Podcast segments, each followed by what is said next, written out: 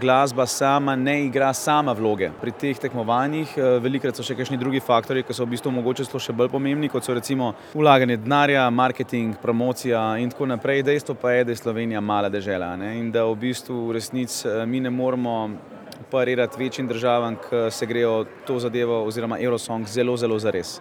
Tako da kar se mene tiče, nisem razočaran, predvsem zaradi tega, ker sem dal vse od sebe in grem lahko s čisto vestjo spat in evo, to je vse, kar lahko povem. Vam je odleglo, do kdaj boste spali jutri? V bistvu mi ni odleglo.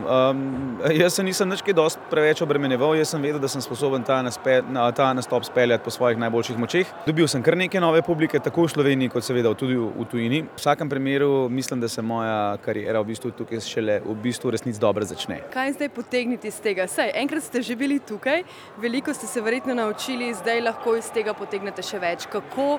Ker vendarle Evrovizija zelo hitro po tem cirkusu potem potihne, ne.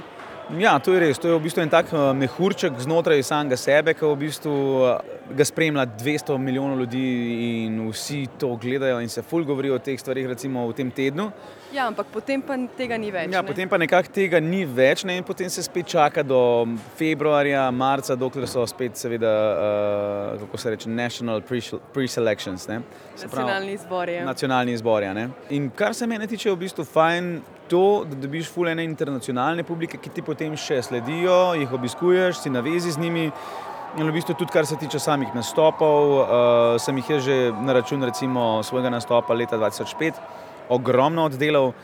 In moram reči, da se mi zdi to v bistvu na neki način odlična promocija za za izvajalce, ampak v vsakem primeru to Eurosong ne predstavlja mainstreama, ne.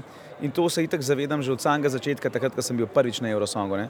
Lahko pa rečem, da sem zelo ponosen, da sem prvi moški izvajalec v zgodovini Slovenije, da sem šel na Eurosong dvakrat.